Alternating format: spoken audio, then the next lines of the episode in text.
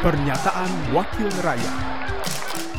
Pernyataan Anwar Hafid, anggota Komisi 5 DPR RI dari fraksi Partai Demokrat, Daerah Pemilihan Sulawesi Tengah, dalam rapat kerja dengan Menteri PUPR, Menhu, Kepala BMKG, dan Kepala BNPB, Rabu 24 Mei 2023. Ya dari sisi kenyamanan, saya kira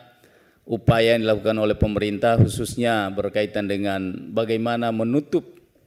lubang-lubang jalan yang pernah kita tinjau sebelum terjadi pelaksanaan mudik itu sangat maksimal, terutama di jalan-jalan tol misalnya.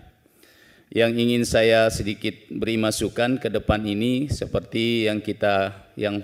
viral akhir-akhir setelah kemarin Pak Presiden melakukan kunjungan itu ternyata jalan yang lubang itu tidak lagi berada di jalan-jalan tol dan jalan-jalan negara tapi kebanyakan di jalan provinsi dan jalan kabupaten yang juga itu adalah jalur mudik. Pernyataan Anwar Hafid, anggota Komisi 5 DPR RI dari fraksi Partai Demokrat, Daerah Pemilihan Sulawesi Tengah, Produksi TV dan Radio Parlemen, Biro Pemberitaan Parlemen, Setjen DPR RI. Pernyataan Wakil Rakyat